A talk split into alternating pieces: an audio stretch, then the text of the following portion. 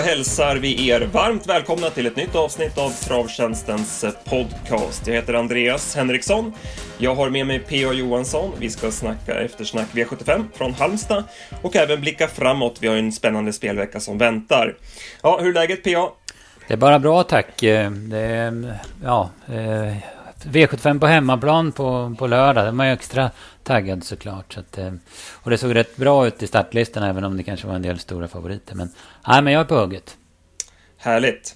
Vi börjar med förra veckans tävling. Det var ju Sprintermästaren som vi sökte. Stefan Eriksson var en av de som gissade rätt och han vinner 300 krediter att köpa tips för på travtjänsten.se.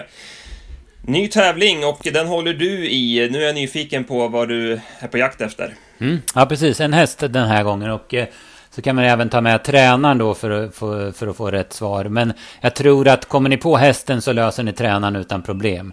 Vi går tillbaka några år i tiden men vi går inte tillbaka till forntiden. Det handlar om en häst som var segervan. Den vann 27 segrar på 57 starter och tjänade 5,3 miljoner kronor.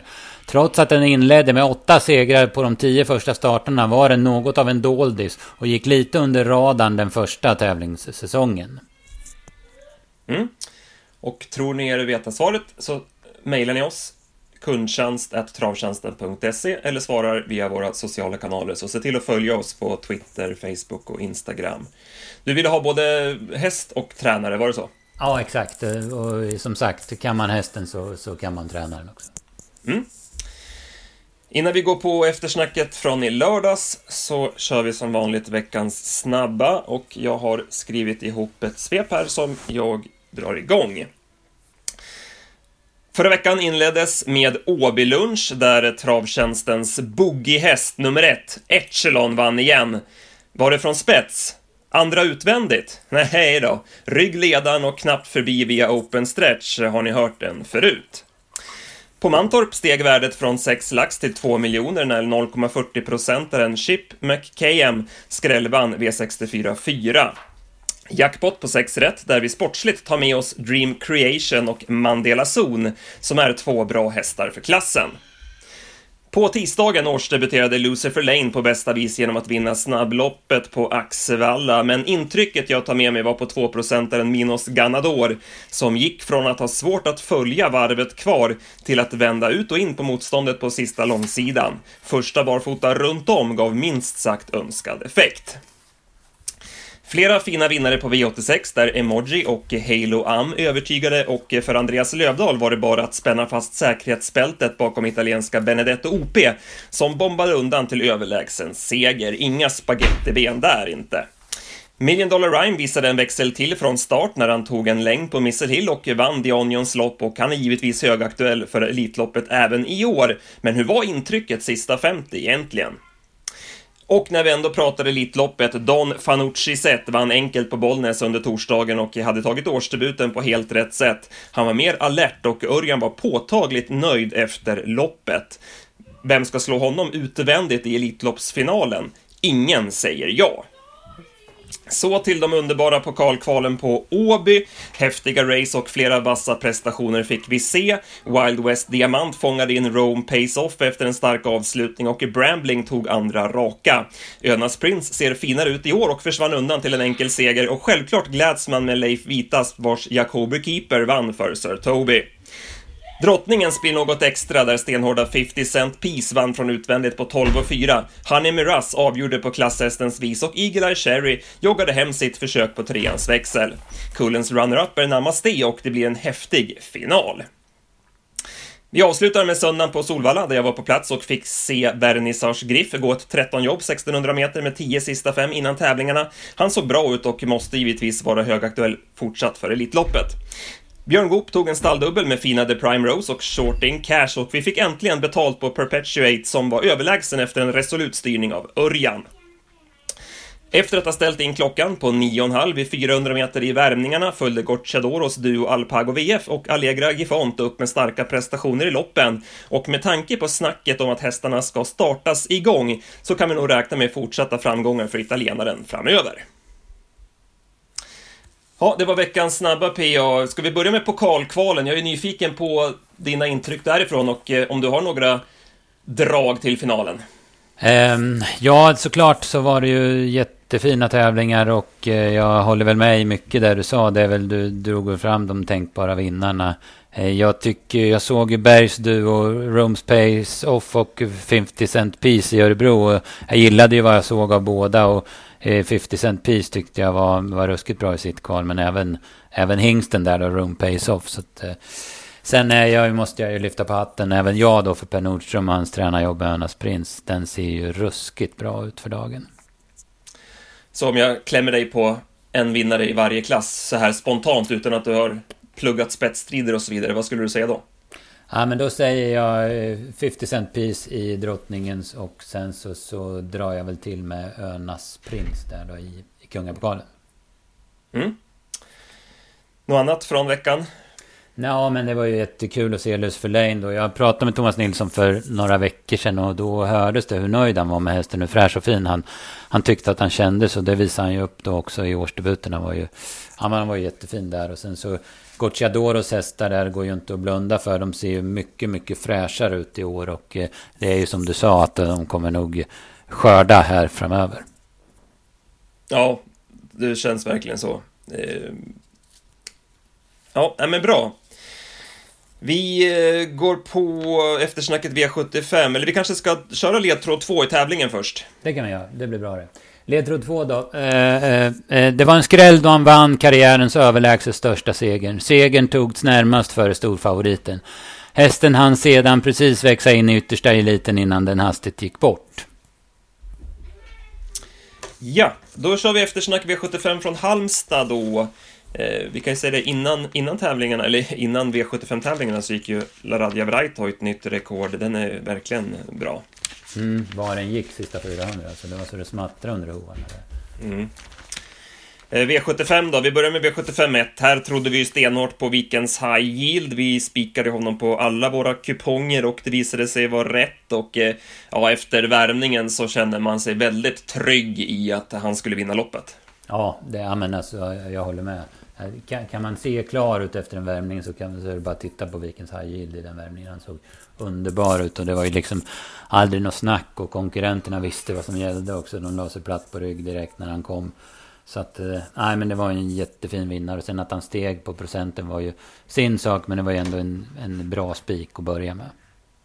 Ja, precis. Han stängde väl ändå på 35 procent tror jag. Så mm, det tog ju inte den farten som man trodde ändå. Så att, äh, det, det kändes bra och det, man fick mer och mer den känslan att äh, kommer Berg tidigt så vet ju Jeppson att det finns ingen mening att svara så att äh, han kunde ju köra sig till spets där och gick ju undan enkelt. Han är ju lite lat sådär i stilen men äh, sträcker på sig snyggt och det är en jäkla fysik i hästen och Robert Berg han pratade ju faktiskt lite grann om Elitloppet efter loppet. Som han mm. sa, lite, skämt, lite på skämt och lite på allvar och mm. ja, det kan ju vara en sån där spännande häst underifrån. Ja, precis. Han är ju dessutom väldigt startsnabb om man har liksom rätt spår och får utnyttja sina långa steg. Ja, men alltså 12,5 går han nu, voltstart, eh, full väg och han joggar ju i princip. Det var ju tussarna kvar och han lämnar ju i alla fall en så pass bra silverhäst som Beartime sista 200. Beartime visar ju fortsatt toppform. Det var ju gott om luft ner till trean. Vad säger du om de andra? Nej, det var ju inte tuffaste gänget, det ska man ju säga. Men Besvikelsen var väl Royal Navy Neo som fick ett ganska bra lopp. Visserligen fick han runda en trött Drillstar men han var ju men han var ju utklassad av ettan och tvåan i mål som fyra då. Sen går vi till V752 och här fick vi en jättesmäll. 0,77 procentaren Digital Process vann loppet från rygg på ledaren. Eh, vaket av Sören Boel att eh, komma ner i ryggen där. Eh, Preben Sövik hade ju chansen att gå ner i rygg direkt eh, med Stig Brodde, men han valde att köra lite för länge och missade ju därmed den positionen. Och det blev ju loppavgörande. Ja, precis. Han var väl, hade väl hopp om att kunna nå ledningen då kanske, jag vet inte, men mot Wingate tänker då. Men, nej, men han hittade ner Digital Process. Sen såg han ju lavad ut hela vägen och, och sen var det ju så fattade man att han skulle vinna i sista sväng, för då såg han ju ut som ja, men han var ju, såg ju hur tankad ut som helst. Det var ju nästan så han inte fick ut honom och så han höll på att springa över dem. Och Peter Untersteiner vände sig ju livrädd omkring och tänkte vad är det här? Vad kommer det ett, ja, men ett tåg bakom mig eller vad är det frågan om? Och så, så bara skrattade han på upploppen när Digital Process swishade förbi. Då, så det, var, mm. nej, det var inget snack när, när det löste sig. Han avslutade ju väldigt vasst även gången innan Digital Process, men det var ändå svårt för oss att få med honom. Ja, nej men den känns ju jättesvår. Alltså det, det ser man ju 0,77 procent också. Men, men när man såg loppet var det inte så konstigt. Det var dit jag, liksom jag ville komma. Nej. Juvaraj drog jag upp i podden efter Solvalla där jag tyckte att han gjorde ett bra lopp då och sen att han stod perfekt in i klassen och vi hade ju stora förhoppningar på honom i det här loppet och det såg ju länge bra ut. Han gick ju starka sista 600 men som du säger där när Peter Unterstein börjar inse faran i sista kurvan då känner man ju själv också att nej, den kommer inte kunna stå emot nej, Process. Sen var det en liten besvikelse Wingate Tänker då. Han, och det var de ju med, eller inne på från stallet och Stefan Persson också, att han var ju inte alls så bra som han brukar. Han var väl, blev väl lite vass kanske, men eh, nej, han, han underpresterar ju som, som trea då. Ja, det, jag måste säga det, att man hade förväntat sig mer utav honom. Mm. Men det är klart, det en, han är ju färsk och som du säger, han blev lite vass och hela det här och sen är det V75 på hemmaplan. Man hade ju liksom vässat lite extra i träningen och det var väldigt påställt och det kanske blev lite för bra, så att mm. säga. Mm. Ja, men det kan ju bli så också. Sen när man gjorde de här intervallerna som man inte brukar göra, då, då ja, men kanske han, han la lite kraft i onödan. Då. Så det, det är ju en ruskigt fin häst. Alltså det, det driver i så fall. Alltså han, han kommer ju tillbaka, det, det är jag ju säker på. Bakom då så Precalculated vart det lite skrik på, men han hamnade ju långt bak och sen vart han ju utknuffad i fjärde spår såg det ut som där på sista långsidan och nej, han kom ju aldrig in i loppet. Nej, det blev ju omöjlig uppgift för honom. Han, han fullföljer väl helt okej okay då. Jag, jag, tror inte han töms ja, men, på alla krafter sista biten för att det fanns ju inget att göra därifrån. Digital Eye blev jag lite besviken på. Han får ju ändå ett ganska bra lopp och och visst, han får attackera sista sväng, men det vet ju inget speciellt för honom. Sen går vi till diamantstoet-försöket eh, och återigen en mycket bra insats av Ultra Bright. Eh, vann ju på Åby och sen gjorde hon ju ett jättelopp på Valla i skymundan. Eh, det var ju omöjligt att ta någonting den gången, men nu så löste det sig bättre och ja, men då är hon hård mot de här hästarna. Ja, precis. Hon, hon får ju liksom tag i dem Eh, och sen då, då, går hon ju hela vägen in. Men då, då plockar hon ju fram sin, sin klass och sin hårdhet. Och hade 11 och 4 sista varvet på henne. Och ser inte helt tömd ut heller. Så att hon, hon, hon är ju väldigt effektiv i de här sammanhangen. Då det inte blir så där tokigt som det blev på Valla då. Mm. Uh, Melby Happy var ju klart positiv i sin comeback. Eh, spetsade, släppte, fick sent fritt. Sen kunde inte Björn Goop köra rakt fram med tanke på att Diversity Pellini bröt ut. Eh, den höll ju inte rakt spår över upploppet. Och vad tror du, om han kan köra rakt fram, tror du att kan han vinna loppet då? Mö möjligt alltså. Det, jag, jag var lite inne på att hon skulle vinna när, hon, när det såg ut som det skulle lösa sig. Så är det inte helt omöjligt. Och, men samtidigt så är det ju Ultra Bright hon tävlar emot. Så att, eh, jag vet jag, jag, jag törs inte säga. Men, men det är inte omöjligt. Nej det blir hårdare i mål i alla fall. så är det. Absolut, säga. absolut. Bakom då Garza körde sig till ledningen. Väldigt snyggt där av Carl-Johan Jeppsson måste jag säga. Han vet ju om att Björn Goop kommer att släppa spets. Han har Domingoa. Eh, den var väl nästan favorit va? Mm. Ja, hårt betrodd. Ja, ja hårt betrodd, absolut. Eh, den var ju hängande i tredje spår och istället för då att köra snabbt till ledningen och ge Domingoa då chansen att eh, testa, att komma snabbt fram och testa nästa läge så smyger han fram och håller Domingo kvar i tredje spår och ger aldrig Stefan Persson någon möjlighet att prova i sin tur. Ja, det var, det var en sån där delikatess. Nu räckte mm. det inte ändå, men mm. Nej, han är ju påställd Jeppsson. Ja, men verkligen, verkligen. Diversity Pellini som du sa, den vinglar lite på upplopp och var snäv mot Thomas Urberg 800 kvar. Men den gör ju ett väldigt bra lopp. Den, den får ge sig knappt mot Ultra Bride precis som på Åby. Så att hon, hon är ju verkligen, står ju på tur för att vinna ett sånt här lopp tycker jag. Domingo har varit ju, fick ett omöjligt lopp, men det var ju också en favorit som levde farligt med tanke på att det var tuffare den här gången. Ja, precis. Och sen att man förstod att hon inte skulle få ledningen heller. Mm. Någon annan du tog med dig?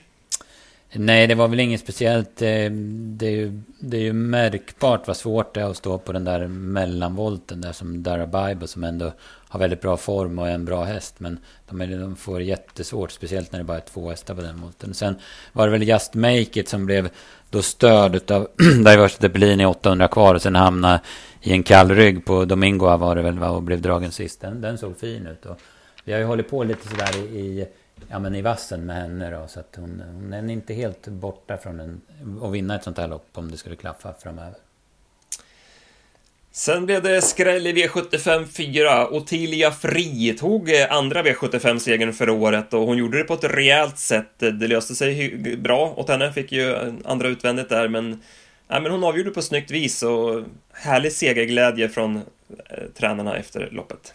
Ja, men det är ju, det är ju skitkul alltså. Om man bortser från att, eh, att man missar den på V75 så är det ju jättekul med, med kretsen runt hästen. Och det, det, är ju, det här är ju bara tyder på att en helt, helt vanliga människor kan komma med en helt vanlig häst och vinna två V75-lopp inom loppet av tre månader. Det, det är skithäftigt. Och hon har ju faktiskt varit lite, rätt så bra i skymundan. Hon gick ju dödens där näst senast på Valla till exempel. Så att, så att hon har ju visat form ända sedan hon vann i Kalmar då i januari. Ja, verkligen. Eh, Kari Smart, eh, det blev ju Eh, ändring där. Viktor Roslev körde hästen och det blev också jänkarvagn. Och hon gjorde ett bra lopp i dödens, men eh, Hon är lite småseg sådär och eh, ja, fick ge sig till slut då. Mm, nej, men jag tycker också att hon var bra. Det gick, det gick fort och Viktor Roslev kör väldigt smart. Han, han ger sig aldrig in i någon strid med ledaren utan han kör mot hästarna bakom och så, så strider hon ju verkligen men hon orkar ju liksom inte eller har inte fart att stå emot men hon gör ett väldigt bra lopp. Sen tror jag att vi kan ha en vinnare till Örebro på lördag, Sante Griff. Hon var ju lite väl rullig innan loppet och man la ju på boots där, men sen i loppet så gick hon väldigt starkt från köposition. Jag kollade på ATG X-Labs där hon avslutade snabbast av alla sista 200 under tävlingsdagen. Eh, så det var ju klart bra och eh, såg ut att ha en intressant uppgift på lördag spontant. Mm. Nej, men jag håller med. Hon plockar ju mer än en längd på 8 hours sista biten och 10 10 och en halv sista fem hade jag på henne. Så att absolut är hon aktuell på lördag. Lamoresk har ju verkligen höjt sig hos Jörgen Westholm. Hon satt ju fast med lite sparat i mål som, som fyra där. Och Lorelei Marie höll ju väldigt bra i spets. Ja. Fick öppna 8-8 första fem där. Och, och såg dunderfin ut under vägen. Ja, verkligen. Ja, men bra. Sen går vi till V75 5 och här fick vi eh, betalt på vår tipsetta Digital Dominance som vi eh, gillar skarpt och eh, han gjorde ett rejält lopp. Eh, löste sig ganska bra, fick ju tredje utvändigt och men sen gick ju Beethoven på, jag tyckte, jag tyckte Beethoven såg ja, men, helt slagen ut, typ 700-800 kvar. Och, så jag varit väldigt förvånad när Ulf Olsson valde att gå ut med den i tredje spår och då kände man att ja, det här kommer nog kanske inte bli så bra. Och, och sen, sen stannade ju den, men då var ju Örjan påpassligt med där och skickade på i fjärde spår. Och, ja, men sen avgjorde han eh, säkert. Ja, nej men han var ju jättebra. Han var ju minst lika fin som när han vann i Eskilstuna. Och han gick väl, det var väl något svenskt rekord eller något, tycker jag läste på resultatlistan. Och han gör det med tussarna kvar. Så att, eh, han är ruskigt bra den här hästen. Jag tycker Westholm har fått till honom väldigt bra. Jag tycker han travar bra och han ser liksom mer rapp ut i steget också än tidigare.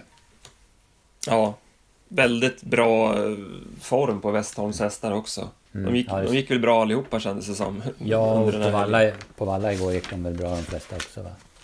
Ja, verkligen. Den är ruggigt fin den där Bird Parker-hästen där. Ja, precis den som vann den tävlingsdagen de flyttade från, från Eskilstuna till Solvalla och sen med galopp och så vann den, var det fjärde raka nu va? Ja, exakt. Plockade ner någon Urmos hästar utvändigt och Westholm bara körde och... Ja, den var... Mm, Ett sidospår, men den, ja, den är bra. Ja, eh, tillbaka till V755. Eh, Totti Face 2, Made of Stars 3 där, som sagt, den var ju nära galopp där på upploppet, men Björn fångade upp fångaren mm. och sen går ju den hela vägen in. Mm. Totti Face Star... var ju också, ja men vilken form han var, var duktiga nu, hästen alltså. Ja, verkligen. Och Starbreaks A to Z tycker jag när man ska ta med sig. Jag vet att han har svårt att vinna lopp, men det var ju vass avslutning mellan hästar och han ser verkligen formstark ut. Mm. Digital Indy tar jag mig intrycket på. Han var ju så pigg så han höll på att kliva upp i vagn där 400 kvar. Sen, sen löser det sig väl inte jättebra för han till slut. Sen jag tror han går i mål med lite sparat. Den tycker jag såg så väldigt bra ut bakom också. Exakt, där går vi ju väntar på barfota och ja, bike. Och så. Jajamän, jajamän. Apropå barfota och bike. Ja, uff. Oj, oj, oj. Upstate yeah. face. Ja. Snacka upptäck... om intryck! ja, ja, ja, ja, precis. Vi upptäckte det där på förmiddagen att nej, man ska inte plocka bort det där barfota verkar det som. Istället så blir det rött på vagnen. Och sen när, när Adrian var sjuk då så var det Carl-Johan Jeppsson upp. Det kändes han ju stekhet helt plötsligt. Och det, så var det också.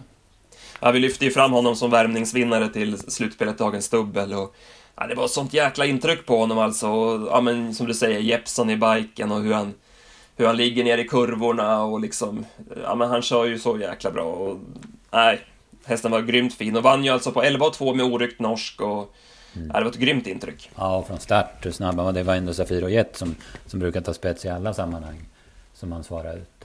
Så att, nej, skithäftigt alltså. Mm. Att man kan få den effekten på en häst i alla fall. Det, Sen var det ju såklart i väldigt bra form. All, all mm. cred till, till Colgini som ställt den i, i ordning. Va? Men, men liksom att få det här med trycket i hästen på de här förändringarna. Ja. Ja, just det var verkligen, man brukar säga barfota på joke face och det här var verkligen en, en mm. sån. Vilken, mm. vilken effekt det gav. Verkligen. Sen var de ju inte så bra bakom kan vi säga. Eh, positiv skrällen Quitey Wood spurtade ju jättebra som tvåa. Men sen mm. Safir och Jet tappade ju lite från regledaren och Istanbul Boko eh, var ju aldrig riktigt i clinch från dödens. Nej, det, gick, det kändes som det gick för fort för honom. Han var liksom, även om han körde upp i döden så hann han inte med det. Quitey Wood, den, den ska man ju verkligen hålla koll på när han går i bike och när han inte går i bike. För han gjorde ju inte det på Mantorp då på V75 och då var han ju eh, summor sämre. Och sen har han gjort två topplopp efter det. Va? Så att han, han är verkligen gynnad av att gå den vagnen. Du nämnde ju Teamo Corazon i förra podden. Vad, vad hände med honom? Han kördes invändigt va? Ja, precis. Han fick inte helt fritt, men han hade nog inget sparat heller. Björn låg ju lägre än en sjunken ubåt, lät det som i förhandsnacket. Va? Så att, eh, det var lite märkligt eftersom han ändå skickade ut den på V75 direkt. Han hade ju kunnat tagit ett vanligt lopp och vunnit typ på Färjestad och ändå varit kvar i klassen. Men, men nu valde man den här vägen och sen så körde man snällt och ja, han gick väl okej okay då. Men det var lite svårt att dra några växlar av den här prestationen tycker jag. Mm. Eh, ja, sen avslutar vi då med gulddivisionen. Här trodde vi oss hade, att vi hade räknat ut loppet, att Hanson Brad skulle ta ledningen, eh, Cyber Lane, lugn dödens och så skulle Hanson Brad hålla undan, men riktigt så blev det inte. Nej, det kan man inte säga. Det vart eh, lite, lite annat. Eh, de ville annat, kuskarna. Johan, vart, eh, Johan Untersteiner körde ju stenhårt första 500 för ledningen. Men Jeppson svarade ju såklart då resolut. Och det gick under sju första fem då. Och sen så var de ju de andra inte nöjda med det. Sen. Nej. Men tror du verkligen att Johan trodde han skulle kunna få överta spets Nej, eller? kör väl kanske för att han ska komma ner i rygg mer. Sen ja, det, inte om, om man varit lite... Ja men alltså, är inte Husse Boko med där, då tar de sig förmodligen förbi och få ledningen. Om, det kan, om man har blivit, blivit lite, ja men det, det, förstår man ju om man liksom blir lite, brinner lite utav det. Då, Ja. Ja, jag såg det. Han, Cyberlane öppnade snabbast första 200 av alla den här tävlingsdagen. Mm. Så att han är ju... Det kan ju vara det också, eh, helt klart. Men det vart ju fel för ja. båda. Precis, precis. Eh, ja, vad hände sen då? Heart of Steel körde fram utvändigt. Ja, precis. Aetos går ju först. Han, han är ju lite speciell. Han kliver upp i vagn och tar två galoppsteg, 1500 kvar och sen styr Magnus på så fort han har fått ordning på honom. Då går ju Peter ut, inte sent eller någonting, men han går ju fram då med Heart of Steel och kör fram i dödens 1200 kvar. För, för tempo är ju väldigt lågt där efter rusningen. Va? Då eh, vet jag inte vad som händer med Aetos Kronos, om man tappar fokus när Magnus tar upp han eller vad som händer. För då är han på väg att galoppera igen, typ 1100 kvar eller något. Och då tänkte man, ja men då var ju han borta i alla fall som man hade tänkt på förhand. Han hade ju varit livsfarlig som det kändes som han hade kommit fram i dödens 1200 kvar. Va? Men då jäklar satte han fart när han fick ordning på honom. Och som han körde sen alltså. Det var bara, det var bara att bomba. Det kan man verkligen snacka om att bomba sen. Mm, verkligen. Och kör sig till ledningen då på sista långsidan och sen går han ju undan enkelt till slut. Ehm, mm. det var... Det var en överraskande, överraskande prestation, ett överraskande upplägg, men eh, tanken var ju att köra snällt. Men sen när det blev den där körningen första 500 mellan favoriterna och sen när de dämpade tempot så... Ja men, Magnus Djuse, han är, han är inte en kusk som bara har en taktik, utan då tänkte han om och så körde han ju fram. Och, mm. Mm. Ja, sen var han ju ruggigt bra. Ja, precis. Eh, jag klockar varje 100 meter. Eh, eh, jag klockar i och för sig för hand. Jag är ingen sån här speed racer eller något. Men, men han går ju alltså som fortast till slut. Jag har 9.6 sista tusen på honom. Och jag tror jag har för, för första sex på sista varvet. Så att han, han gör ju en fruktansvärd prestation. Alltså, han visar väl, jag menar, han visar väl både som tre och fyra ungen att han är en eh, tänkbar elithäst. Och han var trea i Prix de France i, i sista starten där i, i, innan korta vilan. Men, men nu tyckte jag han visar med, med eftertryck att han är en, ja, men en världselithäst. Alltså, och jag, jag, tror att han är så jäkla hård den här hästen. Det tycker jag han har visat tidigare. Så han, han tar inte illa vid sig av ett sånt här lopp. Utan han, han skakar nog av sig det. Och eh, han var ju en av tre som fick en rosa biljett igår på Solvalla och är därmed klar för Elitloppet. Eh, får vi se då med två hit för mm. hans del. Jo, och 1600 mot världseliten. Han, är ju, han kan ju strula också från start och man såg ju Ja men det var ju som när, han, när de zoomade in när han skulle köra, när det var en minut i start han skulle vända den upp mot starten. Men då är det passgång och alla gångarter som finns. Så att det, det finns ju lite sånt i honom också. Men det är ju, tror jag, liksom mycket orutin fortfarande. Att han, han leker hästen. Ja, eh, bakom då så blev det ju, ja men det blev ju inget vidare av de andra då med tanke på att det blev den där körningen mellan favoriterna och... Ja, Nej. Nadal Broline går ju okej okay som tvåa men... Ja. ja. precis, ja precis. Han får ju dödens en bit och sen var... Han, var, han gjorde en bra, ett bra lopp, det var ju bara det att vinnaren var så kusligt bra. Så att, Heart of Steel var ju den positiva överraskningen i loppet tycker jag. Han hade ju varit borta sen, sen slutet på oktober och varit halsopererad och sådär. Men, men den gjorde ju ett jättebra lopp tycker jag. Ja. Hanson eh. Bread var ju, den var väl ändå en besvikelse. Även om, om man öppnar sju första fem ett 2-1 lopp så, så blev han väldigt trött och ganska stort slagen. Ja. Han, han var inte tillbaka i form. Nej. Utan. Han var, han, nej. Nej, det var inget bra. Ja, men eh, som sagt, det var en del häftiga prestationer. Vi fick inget med oss spelmässigt, eh, men eh, det var, vart också en svår rad, 5,5 miljon på, på 7 rätt. Ja, nej men det var ju, det var ju två jättesmällar och sen, sen var det Upstate Face då som, som kom sent om man säger och så och så Aetos Kronos där som, man, som du sa, man trodde att den skulle köra snällt och från det där läget och var inte, var inte jättehet för oss då i alla fall. Nej. Ja, vi släpper Halmstad och tar sista ledtråden i tävlingen innan vi snackar upp veckans trav. Just det.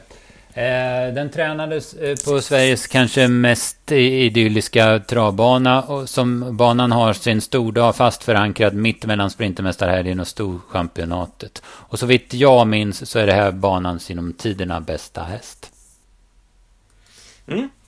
Svara via kundtjänst travtjänsten.se eller via våra sociala kanaler så är ni med och slåss om 300 krediter på travtjänsten.se. Ja, ska vi blicka framåt? Vi har ju nämnt lite grann kring Örebro lördag. Vi kanske ska börja där då. Ehm, tyvärr en tråkig strykning här på morgonen. Mm, I Farlanderam. Ja. Vi såg ju fram emot duellen där mot Seismic Wave. Precis. Eh. precis. Ja, hoppas att det inte är något, något allvarligt med, med Farlander utan att han ja. snabbt är tillbaka. Verkligen. Vad säger du annars om omgången då? Vi, mm. Seismic Wave och eh, Chiru, där har vi två mm. storfavoriter mm. från Timo Nurmos som Precis. man får ta ställning till. Chiru var ju grym i årsdebuten och det jag tyckte han visade i fjol, även om han inte vann varje gång, så visade han ju att han var en ruskigt fin häst. Och han mötte Mandela Zon den här gången och det är klart att det blir intressant, men Chiru, den, den är bra. Den är riktigt, riktigt bra. Sen har vi Verre Kronos och går ut eh, här då i Håkan Lillis Olssons lopp. Det är kul att man, man ger honom ett lopp så här. Va? Veckan innan Paralympiatravet. Eh, men vi kollar ju upp det innan vi börjar. Det har ju gått bra med vecka-vecka start för honom tidigare. Så det finns säkert en tanke med det. Mm. Ja, intressant där. Vi får se hur, hur det blir kört. Sorbet, spår 1, 1609 meter. Mm. Det blir ingen vild gissning att man gör den där varianten att man rycker ner norsken från start och försöker hålla upp ledningen. Nej, precis. Det här vill man nog vinna, men då, då får man ju vara med i Paralympiatravet och, om man vill. Och sen stärker det ju verkligen Elitloppsaktien om man skulle vinna det här loppet. Mm. Sen Örebro International, vad tycker du om den här upp, uppgåvan av Örebro? Ja, det är ju lite spännande med Algot Sonett och Ivor Di Quattro på mellanvolten. Där det inte brukar vara så lätt att vinna, men de är där i alla fall. Men sen är det ju Moni Viking som kommer ifrån eh, ja, men den absolut tuffaste tänkbara konkurrens. Och han slogs ju in i världseliten i, i fjol och i vintras. Då, han står ju 40 bakom då, 20 bakom Algot och Ivor di Quattro. Så att, eh, ja, men bra, en bra upplaga, det måste jag säga. Ja.